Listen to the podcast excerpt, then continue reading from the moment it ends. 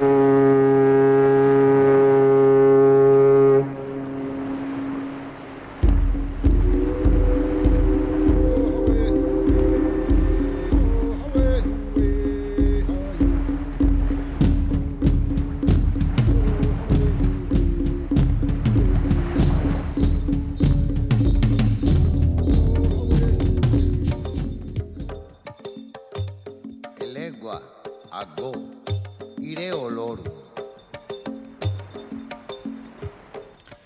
Suenan las sirenas del puerto y ya no tenemos retorno.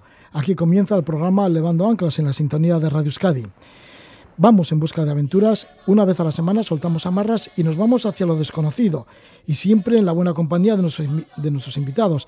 El primero de ellos pues se fue a vivir, bueno, mm, experiencias inolvidables con 17 años. Es Olayo Reinaud. Se subió a la bicicleta, eso con solo 17 años, su bicicleta le puso el nombre de Pegaso y fue pedaleando desde Francia hasta China, siguiendo la ruta de la seda. Tenía el apoyo de sus padres y mucha sed de aventuras. Lo cuenta en el libro Por donde sale el sol.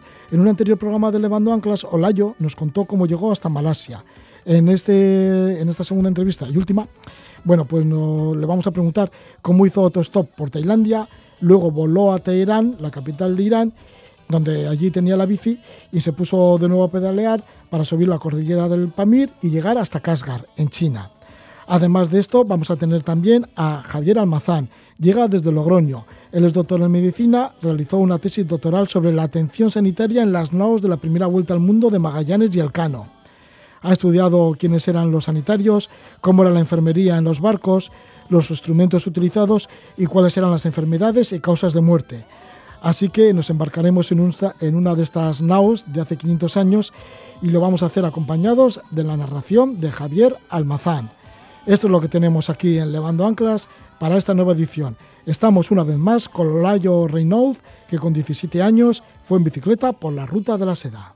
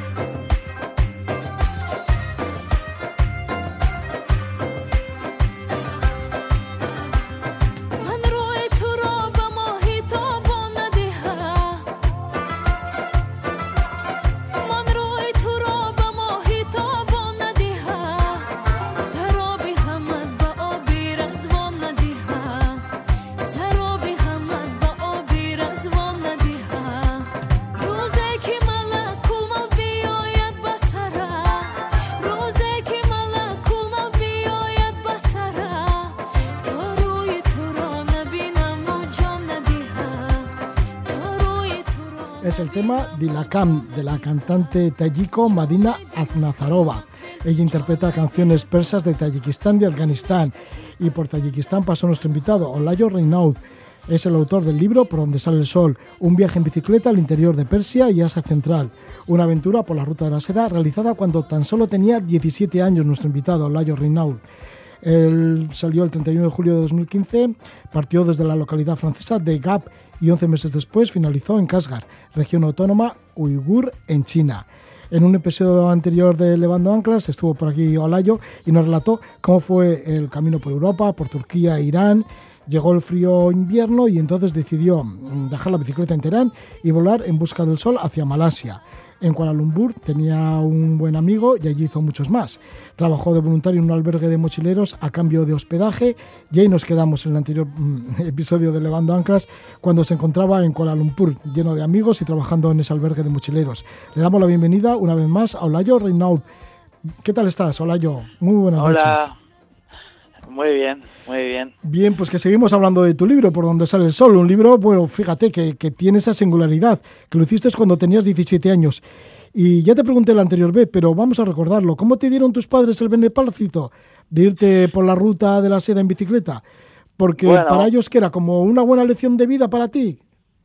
Eh, yo creo que la clave está en que realmente no fue de un día para otro no fue decirle decir bueno no me esperéis para cenar sino que hmm que ya lo llevaba hablando mucho tiempo y planeando, lo llevaba planeando mucho tiempo y, y comentándolo y pensando en ello mucho más tiempo aún. Entonces, como que ya fueron varios años de, de ir eh, de tener esa idea en mente no entonces tampoco fue eh, un, un shock o una sorpresa tan grande para ellos. Sí porque además en el camino te animaron muchísimo no a que continuaras. Sí vamos si no fue si no hubiese sido por ellos eh, me habría quedado eh, en la segunda etapa. Eh, realmente he tenido un apoyo enorme eh, de, su parte y, y vamos, lo agradezco muchísimo. Ya, ya te digo yo que no hubiese sido posible sin ese apoyo. Tus padres seguramente pensaban que iba a ser una buena elección en cuanto a la vida, ¿no? Porque acababas de terminar la selectividad, terminabas el bachiller, antes de entrar a la universidad, bueno, pues una gran lección, ¿no? La Universidad de la Vida, que llaman esto de conocer mundo. ¿Fue así, realmente? Sí, yo creo que, que realmente ha definido mucho lo que soy hoy en día y mi forma de pensar y mi forma de actuar y también yo creo que los logros eh, que vaya obteniendo en el futuro y que ya pues bueno, las cosas eh, que he hecho, que he conseguido, que me han motivado eh, después del viaje eh, están muy ligadas a, la experiencia que he tenido y a lo que he ido aprendiendo. Ya leíamos en las primeras páginas de tu libro esos, esos paseos por, por Europa, el cruce de Europa, con los croatas ya tuviste algún problema, había cierta tirantez, eran más secos de lo que se podía esperar, pero sin embargo con los turcos fue todo lo contrario, ¿no? Que te invitaban continuamente a té y los iraníes no te cuento, ¿no? Que te acogían ya sus casas. Pero bueno, ¿cómo fue ese mm, cambio entre la Europa y ya entrar en Turquía en cuanto a acogida, hospitalidad y demás? Bueno, yo creo que es una combinación de muchos factores. Eh, eh, una cuestión eh, cultural muy importante, luego eh, el hecho de que en, ya más al este cada vez es más raro ver un turista, entonces pues cada vez es algo más llamativo, ¿no?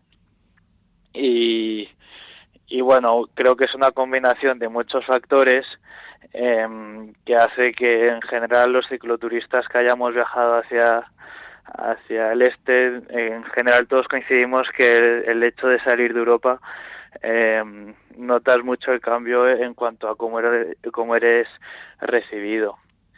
Eh, por ejemplo, lo que decías en Croacia, claro, eh, al final es un país súper turístico y notaba así desde el principio un poco ese rechazo, ¿no? Como que no, mm, a la gente no le gustaba que yo estuviese ahí, ¿no? Y en, eso fue pasar Istambul y completamente lo contrario. Es, pasar a ser una persona, mm, por así decirlo, exótica, eh, en, lo que decía llamativa, ¿no? Algo nuevo y, y eso es un cambio muy grande. Un cambio muy grande. Bueno, pues esto ya fuimos comentando, ¿no? Cómo, cómo pasaste a Turquía, cómo llegaste a Irán, lo bien que estuviste allí con los iraníes, pero claro, llegaba el frío a Teherán y dijiste, bueno, pues me voy a Kuala Lumpur porque allí tengo un buen amigo, te esperaba Deb, un amigo que le conociste en Estados Unidos y que era casi como un hermano para ti.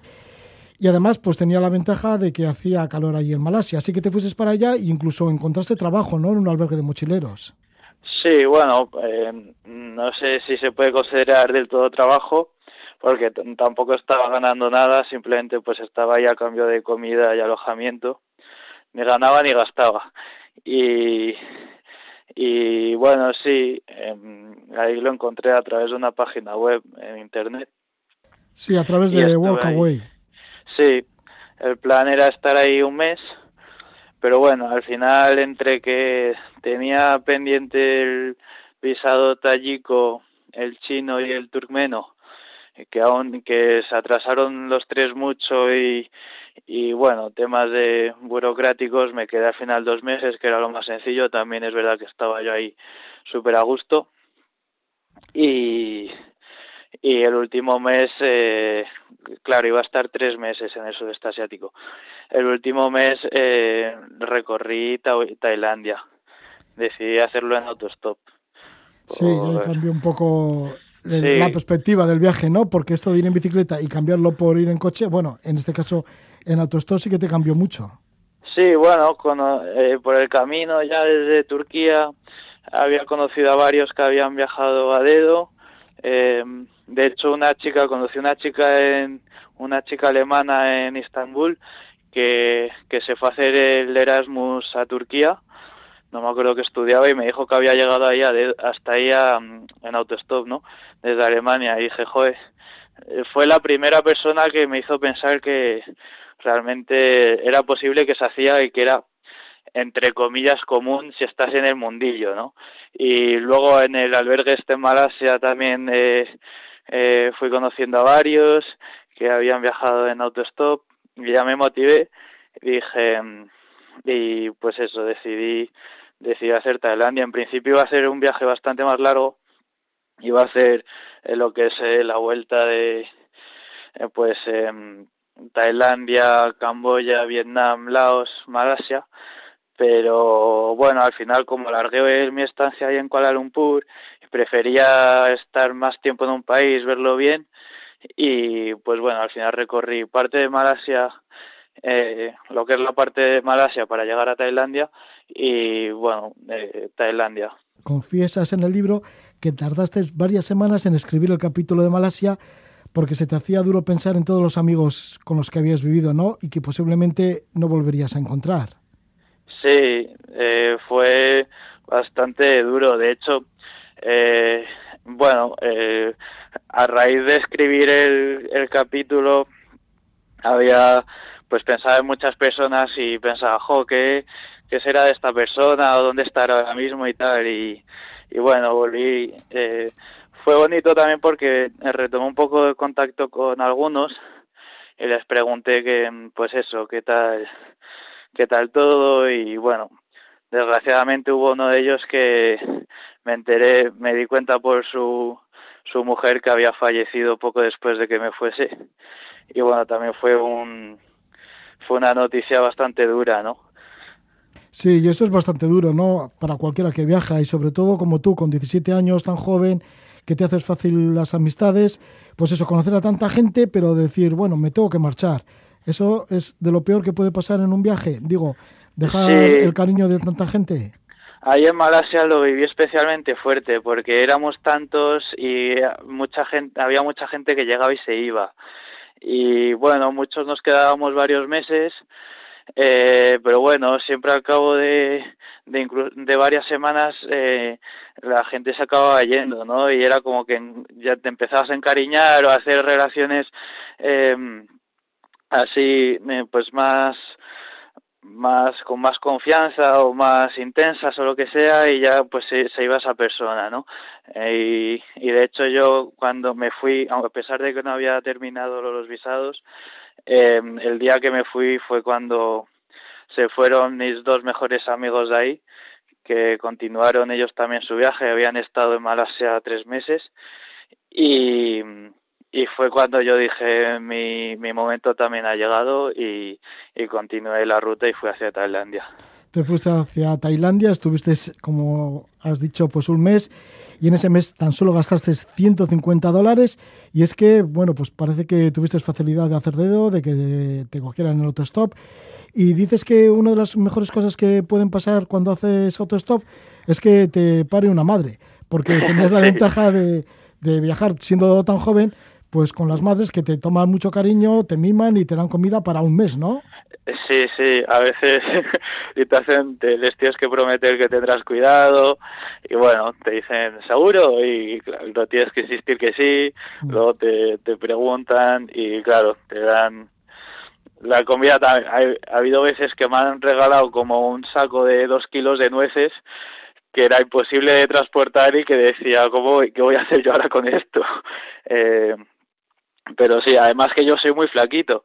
Bueno, no nos conocemos en persona, pero eh, yo, bueno, no eh, soy bastante flaco y claro, las madres hay muchas que pensaban, Buah, este ha estado pasando hambre por ahí seguro y la comida sobre todo, me hinchaban la mochila hasta que hasta que aquello iba a reventar. Así que bueno, te fue bien haciendo dedos, sobre todo cuando te paraba una madre. Y total, que hiciste casi 4.000 kilómetros por Tailandia, pasando por 40 coches, 6 motos, 5 camiones, 4 furgonetas, 3 cajas de pickups. Esto es lo que señalas en el libro, estos datos. Y bueno, y luego, pues ya, mm, además de todo esto, pues en Tailandia también te acogían los templos, los templos budistas, ¿no? Porque la última semana dormiste ahí en templos budistas. Sí, esto, la idea la fue por otro amigo que lo estuvo haciendo y fue quien me dio la idea. Y, y bueno, fue sobre todo al final del viaje eh, que un poco pues eh, lo empecé a hacer. Cuando llegaba a una ciudad por la noche eh, pues eh, preguntaba si podía dejar el saco ahí. Claro eh, yo intentaba no no pagar generalmente por alojamiento. Y alguna vez claro en autostop es mucho más difícil acampar entonces eh, porque en bicicleta es muy fácil te alejas un poco de la ciudad y ya está pero en autostop claro me di cuenta enseguida los, de los primeros días que era mucho más difícil porque ibas de ciudad en ciudad y tal, ¿no? Hubo alguna vez que pasé la noche en algún parque así discretamente y tal, pero pero luego sí, a, a raíz de este amigo me dijo que si preguntaba si podía dormir en el suelo en, en templos budistas y tal, eh, que siempre me iban a coger y además mmm, bueno, pues eh, me dio la oportunidad de conocer a más gente y, y también pues eso, eh, gente muy interesante y, y la verdad es que me alegro de que me hubiesen dado ese consejo. Pues sí, ahí estuviste durmiendo en esos templos budistas, a las 5 de la madrugada te despertaban con cantos religiosos y golpes de gong y ya decidiste volver de nuevo por tu bicicleta que la tenías en Teherán después de ese paréntesis que hiciste entre Malasia y Tailandia. Y allí en Teherán pues te esperaban tus buenos amigos también que allí las que los tenías. Pues estuviste con Camus con Sajjad que además se había echado una novia y juntos con ellos pues te llevaron a muchos sitios de Irán hasta el mar Caspio hasta que decidiste ya salir de Irán y volar a Uzbekistán. Y entre los objetivos en Asia Central era subir la cordillera del Pamir con tu bicicleta. ¿Por qué no te querías perder la cordillera del Pamir? Sí, bueno, mi objetivo, al inicio del viaje, mi objetivo era ir, ir hacia allá.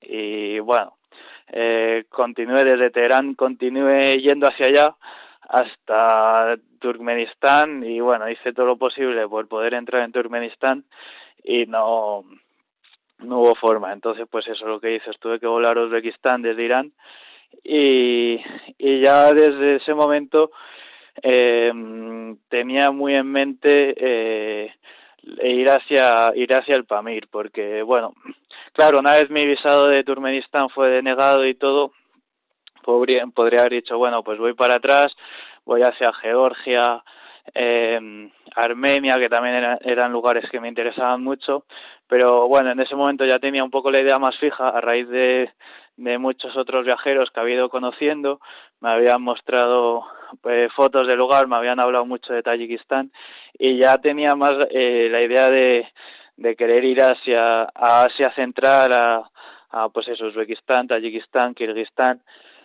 y bueno, lo que dice, sobre todo las regiones al Pamir, eh, ya me atraía mucho, entonces pues eh, volé a Uzbekistán porque no hubo forma de entrar en Turkmenistán y, y desde ahí continué el viaje. Y ahí estabas ascendiendo a la Pamir Highway, que es una de las carreteras más elevadas del mundo. Estuviste tres semanas en Tayikistán y estuviste en esta zona que es bastante dura por el clima y por las distancias entre, entre poblaciones habitables, ¿no? Y por lo tanto tienes que ser bastante previsor y llevar el material necesario. Así que ya Tayikistán y el Pamir te resultó como muy distinto. Ahí era más Sí. esfuerzo. Lo bueno de ir en bici es que cada país o cada zona es un poco eh, la introducción a la siguiente, ¿no? Como, como es todo mucho más continuo, no haces un viaje de forma discreta de punto a punto, eh, claro, no llegas a Tayikistán donde lo que dices, las distancias son mucho más largas, el clima es mucho más duro, pero bueno, ya has estado en Uzbekistán, en Irán, eh, no es como si de repente hubiese aterrizado ahí, ¿no? Y ocurre, eh, en muchos aspectos, ¿no? Culturalmente también pasa que un poco cada zona te va preparando para la siguiente. Y, pero sí, eh, bueno, parte por eso fue muy útil empezar desde Europa porque en Europa pues estoy mucho más acostumbrado y todo es súper sencillo en Europa em, entonces pues eh, es cierto que la, esta última etapa del viaje fue la fue sin duda la más dura y pero fue muy gradual no entonces eh, si hubiese empezado desde ahí habría sido eh, mucho más dura seguro. Y, pero sí las distancias más grandes la altitud pues hace que el clima el clima sea mucho más duro. Y bueno luego también que, yo justo a mí pues me ocurrieron dio la casualidad que todo lo que me podía ocurrir me ocurrió durante esas dos semanas que estuve en Tayikistán y sí fueron sin duda las más duras, pero también de las que mejor recuerdo, curiosamente. Eh, es eh, de los mejores recuerdos que tengo de viaje son de, ahí de Tayikistán. Sí, una zona de nómadas, las distancias entre poblaciones habitables, pues eso, son muy, muy distantes. Y luego, pues, eh, hacía mucho viento y la bicicleta empezó a ponerse, mm, a averiarse y ponerse en malas condiciones. Además, tuviste una intoxicación que te dejó inmovilizado en la propia carretera. Sí, eh, sí, ya además en bastante altitud, debemos estar a, a unos 3.000, 3.500 metros de altitud y sí, por unos huevos que comí que debían estar en mal estado, pues eh, me dio salmonelosis y, y bueno, sí, fue bastante, fue el episodio posiblemente más duro porque además es una carretera con tan poco tráfico que tenía que esperar mucho tiempo para que para que alguien pudiese socorrerme, ¿no? Y estuve movilizado ahí en la carretera eh, varias horas eh, vomitando hasta que llegó un momento que no podía ni, ni moverme. ¿Y cómo lo hiciste? Porque sí que terminaste hospitalizado en Tayikistán. Sí, bueno, me recogió una furgoneta, como un taxi compartido que tienen ahí, y, y yo es que no podía ni moverme, entonces cuando pasó mm, habría que habría que querido levantarme y, y mediante gestos o lo que sea indicarle que parase, pero no, no me vi capaz ni de eso y lo que hice fue eh, vomitar justo cuando pasase para hacerle ver que eh, él realmente estaba enfermo y que estaba mal y necesitaba ayuda porque no fui capaz de hacer nada más. Y, y yo pensando, jo, espero que lo haya comprendido y bueno, al principio pasó de largo, pero luego eh, cinco minutos más tarde eh, volvió, había dado la vuelta y, y, me recogió. ¿Te recogió y la bicicleta? me, llevó, al hospital, la bicicleta la pusieron en la vaca eh, como pudieron y, y bueno, luego no sé qué ocurrió con la bicicleta porque en un momento la perdí de vista, pero al día siguiente estaba ahí en el, me estaba esperando en el hospital. Eh, bueno, pasé ahí un día, un día entero. Te recuperaste y ya pensaste que necesitabas llegar a China, que tenías que terminar tu periplo en bicicleta, del cual saliste de una población francesa, y así, pues Kirguistán lo pasaste rápidamente, solo en dos días. Eh, por cierto, que bordeaste el río Pang, ¿no? Que hace frontera entre Afganistán y Tayikistán. ¿Cómo fueron aquellos días? Porque estabas como bastante débil. Sí, ahí ya eh, después de eso también otra tormenta que tuve unos días antes, ya estaba, la bicicleta se iba cayendo a cachos, em, estaba con un poco de ganas ya de terminar. Y mm, de hecho, mm, podría haberlo alargado más el Pamir, hay una variante, por así decirlo, que bordea el río Pang durante más tiempo. Eh, pero tomé, por así decirlo, el atajo, la vía más convencional y más corta, que va más directamente hacia, hacia Kirguistán. Y, y sí, fue, pues en vez de, se podría bordear casi durante dos semanas y en vez de eso yo lo hice solamente durante una y ya me metí en, en la meseta más alta eh, hacia, en la parte más alta de la meseta hacia Kirguistán. Sí, total, que pasaste rápidamente Kirguistán y llegaste por fin a China. Y llegaste finalmente a Kasgar, por la zona de Urumqi. Sí, también eh, eh, no fue tanto un llegué por fin a China, sino más un llegué por fin a... En ese momento era llegué por fin a la última etapa, pero es verdad que desde el principio no tenía tanto la idea en mente de eh, ir hasta China sí o sí. Eh, bueno, quería ir, si llegaba, eh, quería ir hacia Asia Central y descubrir los países, eh, pues bueno, por esa zona del mapa, ¿no? Pero no estaba tanto en mi objetivo, de hecho luego en China no pedale, vamos, tres días. Y, pero sí que tenía ganas ya de, en ese momento fue como una, muchos acontecimientos seguidos y un poco en cascada y, y bueno, sí terminé el viaje ahí en Casgar bueno, terminé el viaje en Asia, que luego, eh, en vez de volar directamente a Madrid, em, eh, fui a Milano y volví a casa en bici desde Milán, en Italia.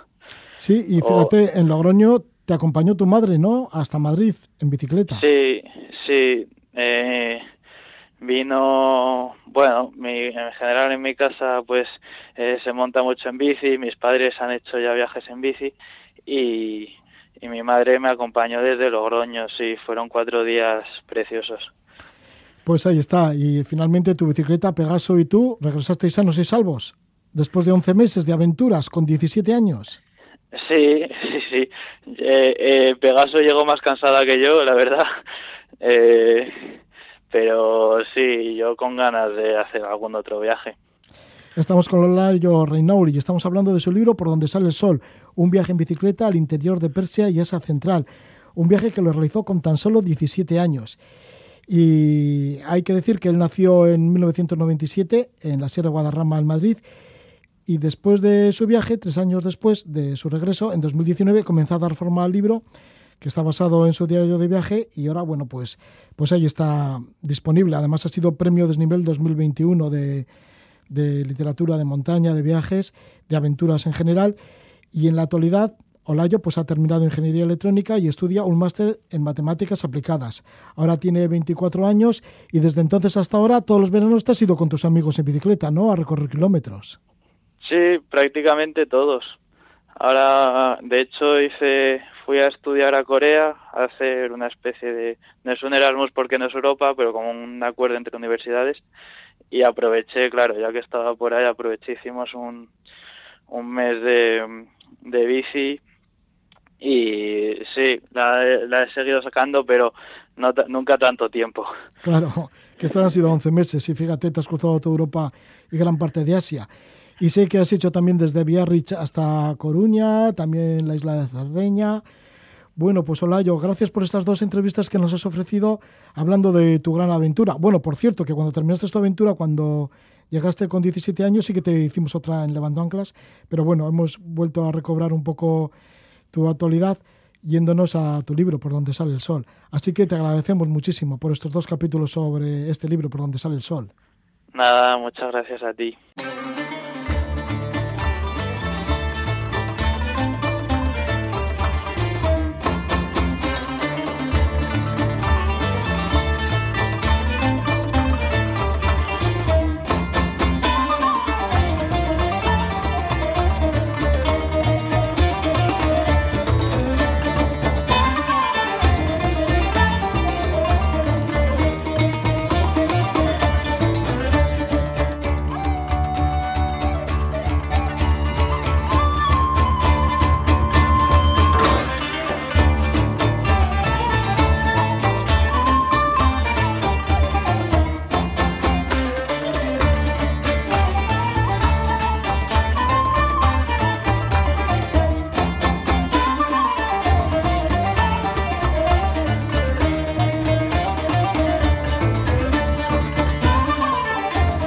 Música del guitarrista Enrique Solinís junto con Euskal Barroco Ensemble. Es el tema raico de un disco doble, es disco libro doble, con el título de Juan Sebastián Elcano, el primer viaje alrededor del mundo. Y es que vamos a ir tras la estela de Magallanes y Elcano y lo vamos a hacer a través de Javier Almazarán Altuzarra. Él es médico y ha estudiado, ha hecho una tesis sobre la enfermedad, muerte y asistencia sanitaria en las NAOS en la primera vuelta al mundo. Estamos con Javier Ángel Almazarán Altuzarra, doctor en medicina y cirugía por la Universidad Autónoma de Madrid Nació hace 61 años en Madrid y durante 16 años ha sido médico rural en la Sierra de Cameros, en La Rioja, y en la actualidad ejerce en Logroño. Javier Ángel Almazarán Altuzarra ofreció una conferencia en el Lechas Museo de Bilbao sobre este tema, enfermedad, muerte y asistencia sanitaria en las naos de la primera vuelta al mundo. Ha sido invitado por la Asociación Vizcaína de Capitanes de la Marina Mercante. Le damos la bienvenida a Javier Almazarán Altuzarra. Gabón, muy buenas noches, Javier. Hola, buenas noches. Como médico rural y encima en zona de montaña, ¿no? Pues en la Sierra de Cameros, ahí en La Rioja, que estuviste durante bastante tiempo, ¿cómo realizas un estudio sobre las enfermedades de la marinería en el siglo XVI? ¿Cómo has viajado de la Sierra de Cameros para meterte en el mundo de esta marinería tan antigua? Pues eh, precisamente lo que hay, lo que tiene un médico rural en un entorno de sierra es eh, poco trabajo y mucho tiempo. Y todo ese tiempo hay que emplearlo en algo. Yo desde hace mucho tiempo tenía interés en este asunto y la perspectiva que podía adoptar yo era precisamente el punto de vista del médico en la expedición. Así que a partir de los documentos de muertos y fallecidos que hay en el archivo general de Indias en Sevilla, fui trazando las enfermedades y las causas de los fallecimientos de los embarcados. Pues vamos a ver qué cosas han sido los fallecimientos y las enfermedades que han tenido los embarcados, pero me gustaría preguntarte cómo estaba dotada de sanitarios esta expedición de Magallanes en busca de las Islas de las Especerías. Pues en la expedición había un médico y cirujano, Juan de Morales, de Sevilla, y era el único médico y cirujano. Y se acompañaba de tres barberos o barberos cirujanos, uno de los cuales, Pedro de Olavarrieta, era de aquí, de Bilbao y con ocasión del regreso de la nao eh, San Antonio regresó a Bilbao, así que no fue más allá Pedro de la Barrieta del estrecho de Magallanes. Sí, porque la nao San Antonio cuando llegaron al estrecho de Magallanes dijo no seguimos, no entramos en el Pacífico, sino que regresamos a, eso es, Europa. Eso es, con 55 hombres de la expedición que llegaron seis meses después. Así que ahí se quedó entonces el, el cirujano, ¿no? Juan de Morales, solo con dos barberos. Efectivamente, con Hernando de Bustamante, extremeño, y con Marcos de Valla, también sevillano. Vamos a saber, antes de embarcarse a estas cinco naos que iban con la intención de llegar a las Islas de las Especerías, ¿había un control sanitario? Antes de embarcarte, ¿te Sabemos que había un control sanitario y además es lógico que lo hubiera porque en una expedición que se suponía para dos años de duración no era conveniente que, entre, que entrara ninguno enfermo que pudiera poner en riesgo a toda la demás tripulación como ha pasado en otras ocasiones. Sabemos además de que existe ese control porque a uno de los de los que iban a embarcar, Vasozábal, se le prohibió porque se le detectó que estaba enfermo del mal de bubas, que era una enfermedad en 1519 ya bien conocida porque de, llegó desde América en el primer viaje de Cristóbal Colón. Sí, el mal de bubas, que es la sífilis. Lo que posteriormente se iba a llamar como sífilis y conocemos como sífilis, efectivamente. Bueno, pues entonces los que pasaron eh, este apartado sanitario, este control sanitario, fueron 243 hombres, ellos embarcaron. ¿Cuál es el balance de fallecidos, heridos y enfermos? Al cabo del tiempo? Una vez que hemos descontado los 55 de la, de la nao San Antonio, lo que tenemos es un balance de 103 fallecidos y 49 desaparecidos.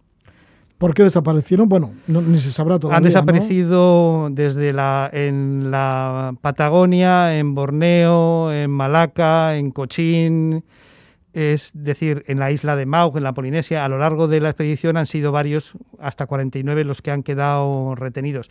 De hecho, la mayor parte de ellos, 27, fueron los que quedaron en la isla de Cebú, en la emboscada. Y al parecer tenemos algún testimonio de que no todos fallecieron en ese día, incluso años después hay noticias de que ocho de ellos fueron vendidos a los chinos. Algunos, esclavos algunos igual desertaban después de tanto mar y mar y tantos Desertar días. El, en el viaje precisamente del Cano, en el regreso en Timor, eh, desertaron dos. Dos, y que fueron recogidos posteriormente por portugueses y fueron los primeros que, de hecho, que, dieron lugar a una relación, la de Martín Dayamonte, en su testimonio en Malaca.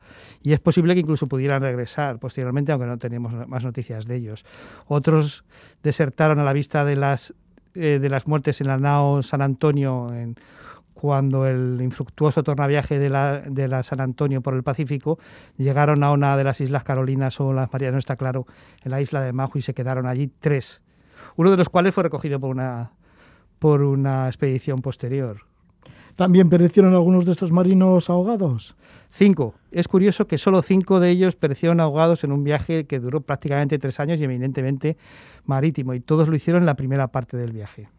Hubo muertes violentas también, por supuesto, y heridas de guerra. Las muertes violentas es la segunda causa de fallecimiento. La primera causa es por enfermedad y la segunda por, por, por heridas de guerra y por ajusticiamientos. De hecho, la primera muerte en, el Brasil, en Río de Janeiro, es, un ajusticiado.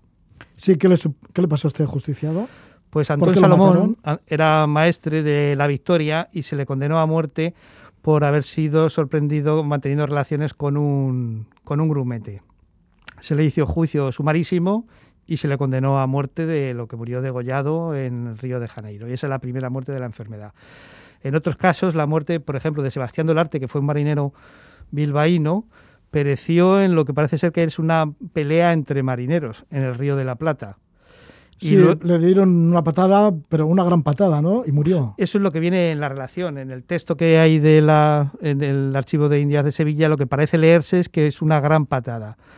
Lo que yo he entendido es que es una pelea entre marineros. No hay más datos sobre este Sebastián Dolarte, más que falleció en lo que es ahora el Río de la Plata. Sebastián de Olarte, este bilbaíno, y luego heridos de guerra y muertos por, ataques. Bueno, en primer lugar tenemos el motín de, la, de San Julián, el famoso motín, a consecuencia del cual murió de puñaladas el capitán Luis de Mendoza, moría justiciado posteriormente Luis de Quesada y fue herido y posteriormente murió de las por heridas. la Patagonia actual, ¿no? Esto es en, el puerto de San Julián, efectivamente es la Patagonia, lo que ellos nombraron a partir de entonces se conoce como Patagonia.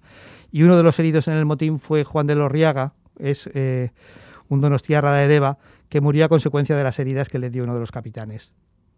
Y luego ya, pues fíjate, el propio Magallanes sí que murió también. Sí, la, en Mactán murieron ocho, entre ellos el capitán general, en una serie de desafortunadas decisiones contra una, unos enemigos muy numerosos, aunque mucho peor armados, y eh, dio lugar a la muerte del, a la tragedia, de, la muerte de, Fernando de Magallanes y, y siete más y no acabaron ahí todos los males, sino que tres días después fueron convidados en un en Cebú de despedida y en esa en ese banquete de despedida en, hubo una emboscada en la que se dan por fallecidos, estrictamente por desaparecidos, porque no se sabe quiénes murieron y quiénes no, como dije antes, no murieron todos, nada menos que 27, lo cual dio lugar a que la, la tripulación quedara muy mermada y sobre, sobre todo de oficiales y capitanes.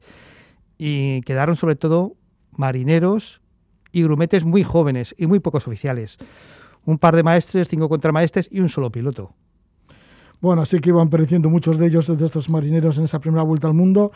Hemos hablado de ahogados, hemos hablado de desaparecidos, de muerte violenta, de heridas de guerra, pero quizá el mayor problema era la alimentación. Por esto sí que seguramente habría mucha enfermedad. Además estaba el tema de los corbutos, que era algo por aquella época que era muy habitual. Así es, el 80 de los fallecidos son a consecuencia de enfermedad y, y, la mayoría de ellos por enfermedades nutricionales, es decir, por hambre y específicamente por carencia de algunos nutrientes esenciales como es la vitamina C. Sabemos que el escorbuto ocurrió en tres brotes, uno es conocido el, brote durante la travesía del Pacífico, otro ocurrió durante la travesía del Cano ya en el Atlántico entre el Cabo de Buena Esperanza y, y las islas de Cabo Verde. Y el tercer episodio de mayor mortandad ocurrió en la San Antonio el escorbuto que era la llamada peste de las naos. Peste de las naos se llamó posteriormente, creo que fue Hawkins, el pirata Hawkins, el que lo nombró como peste de las naos, porque era una enfermedad desconocida por la literatura griega y árabe, que era la que predominaba en ese tiempo. Sin embargo, era una enfermedad bien conocida en, los países nórdicos de largos inviernos, porque es una enfermedad que ocurre cuando hay carencia de alimentos frescos.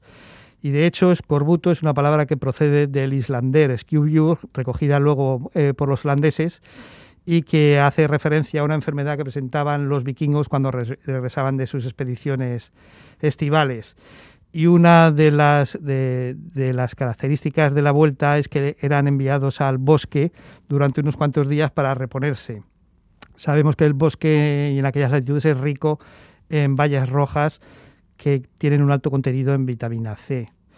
Pero en el caso de la medicina escolástica, no, el escorbuto empieza con las grandes navegaciones. De hecho, el primer episodio de escorbuto que se conoce es en el viaje de Vasco de Gama a la India. A partir de ahí, durante casi 300 años, va a ser en las largas travesías una peste de las naus.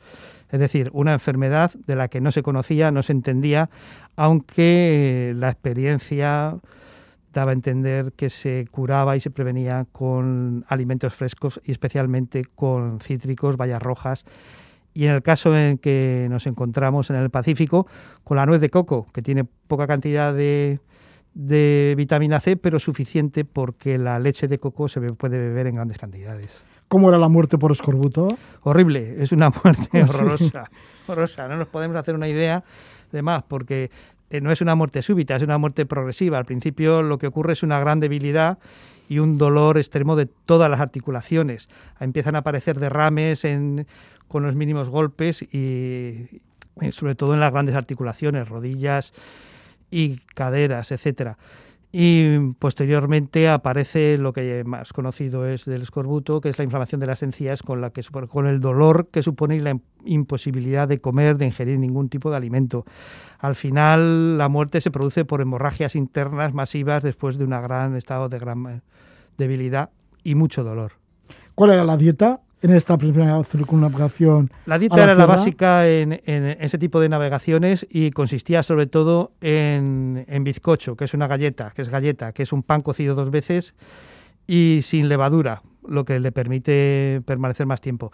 De hecho, la dieta marinera lo que se llamaba era 600 gramos de bizcocho al día, un litro de vino, litro y medio de agua que se utilizaba sobre todo para lavar la ropa y para cocinar y luego había lo que se llamaban las menestras, es decir, garbanzos, habas, lentejas y la menestra fina que era el arroz, junto con algunos alimentos de menos en menos cantidad y, sobre todo lo que podemos, yo creo que también uno de los alimentos esenciales era el queso.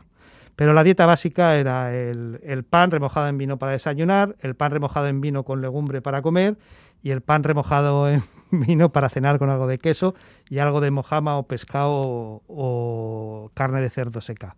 ¿Cómo estaban dotados los sanitarios para atender a sus enfermos? Los sanitarios, no lo sabemos exactamente aquí, pero a semejanza de lo que se hacía en galeras, disponían de una enfermería bajo cubierta, en el cual había una mesa, un par de, de camas, un par de literas y un brasero y los, el cirujano y los barberos tenían las herramientas propias, que solamente, eh, eh, fundamentalmente se trataba del escalpelo, que ellos, el bisturí, que ellos llamaban lanceta.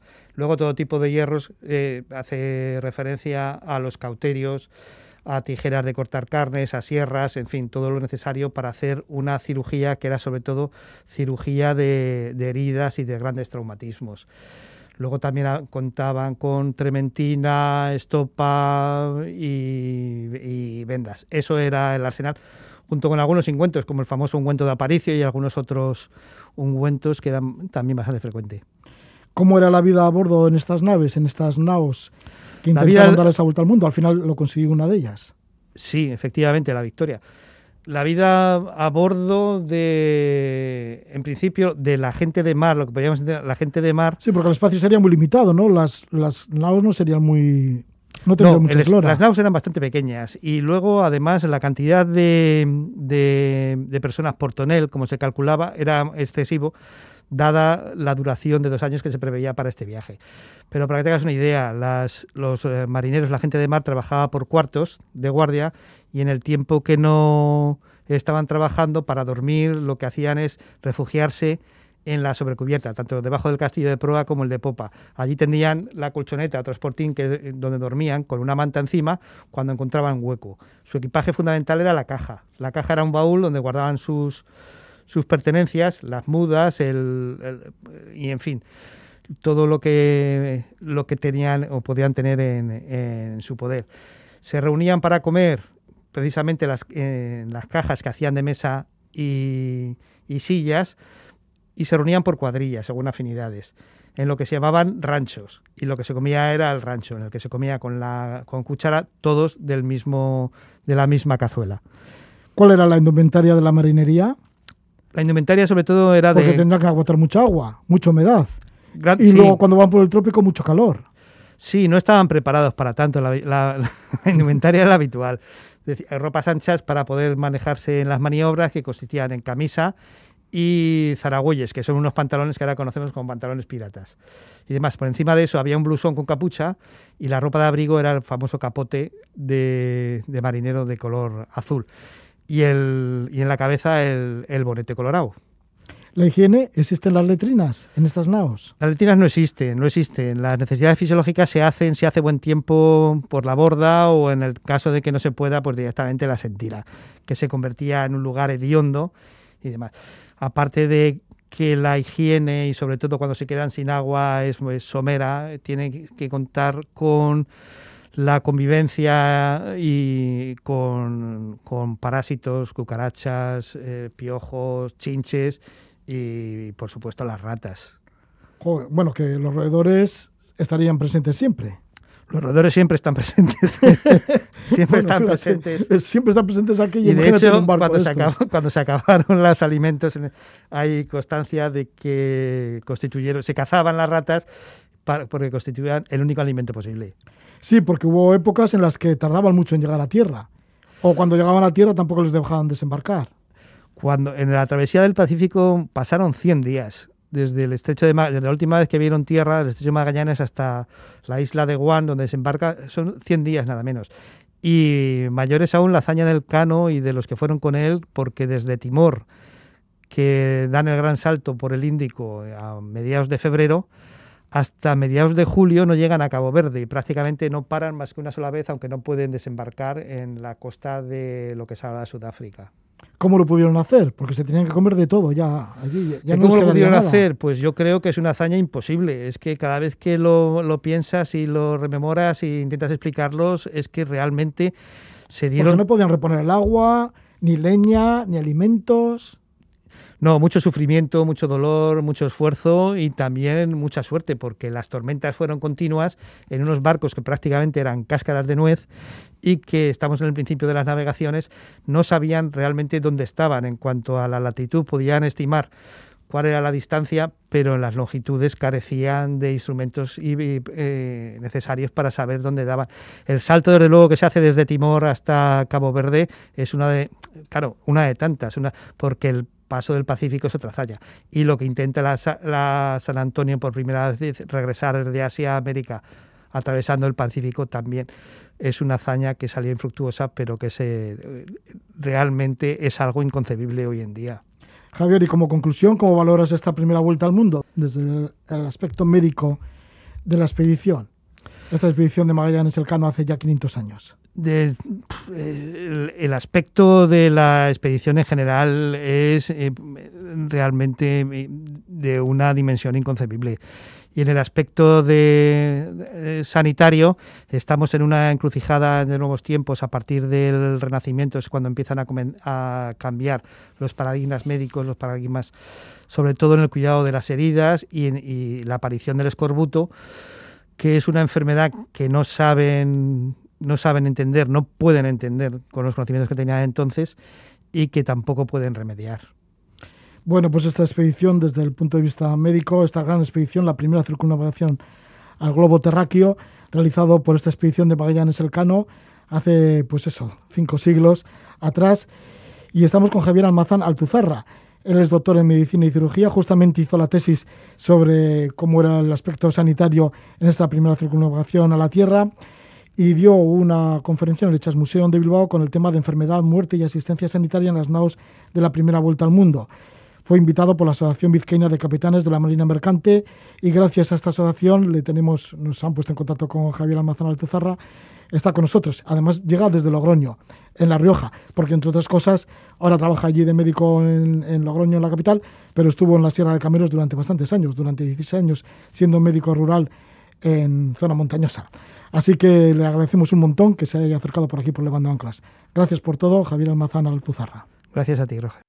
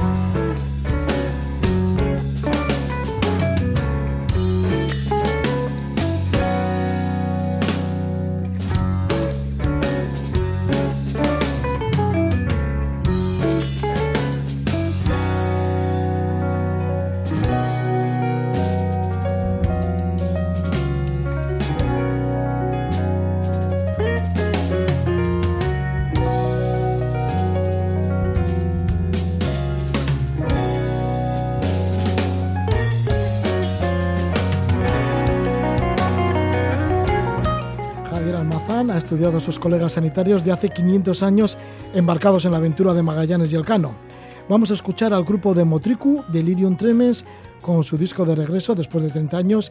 El disco lleva el título de Órdago y escuchamos la canción Urpean Danchan. Así que más alitre en Levando Anclas a través de Delirium Tremens. Buena semana, dulces sueños.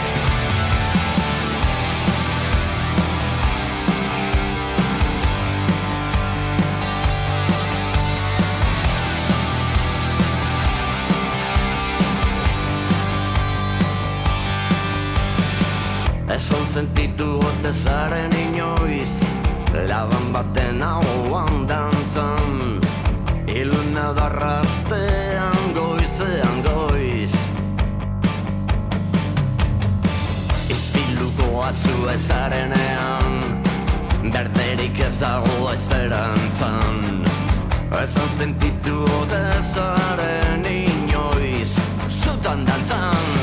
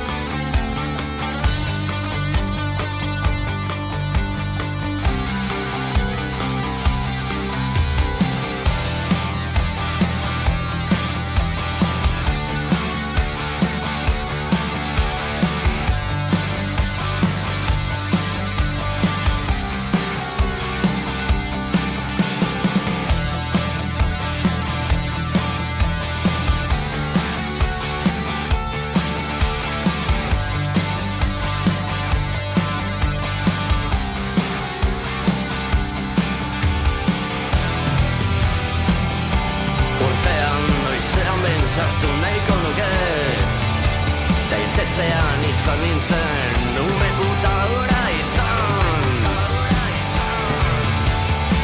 Orain gabiltzen da ndan gabiltzan zan ndan gabiltzan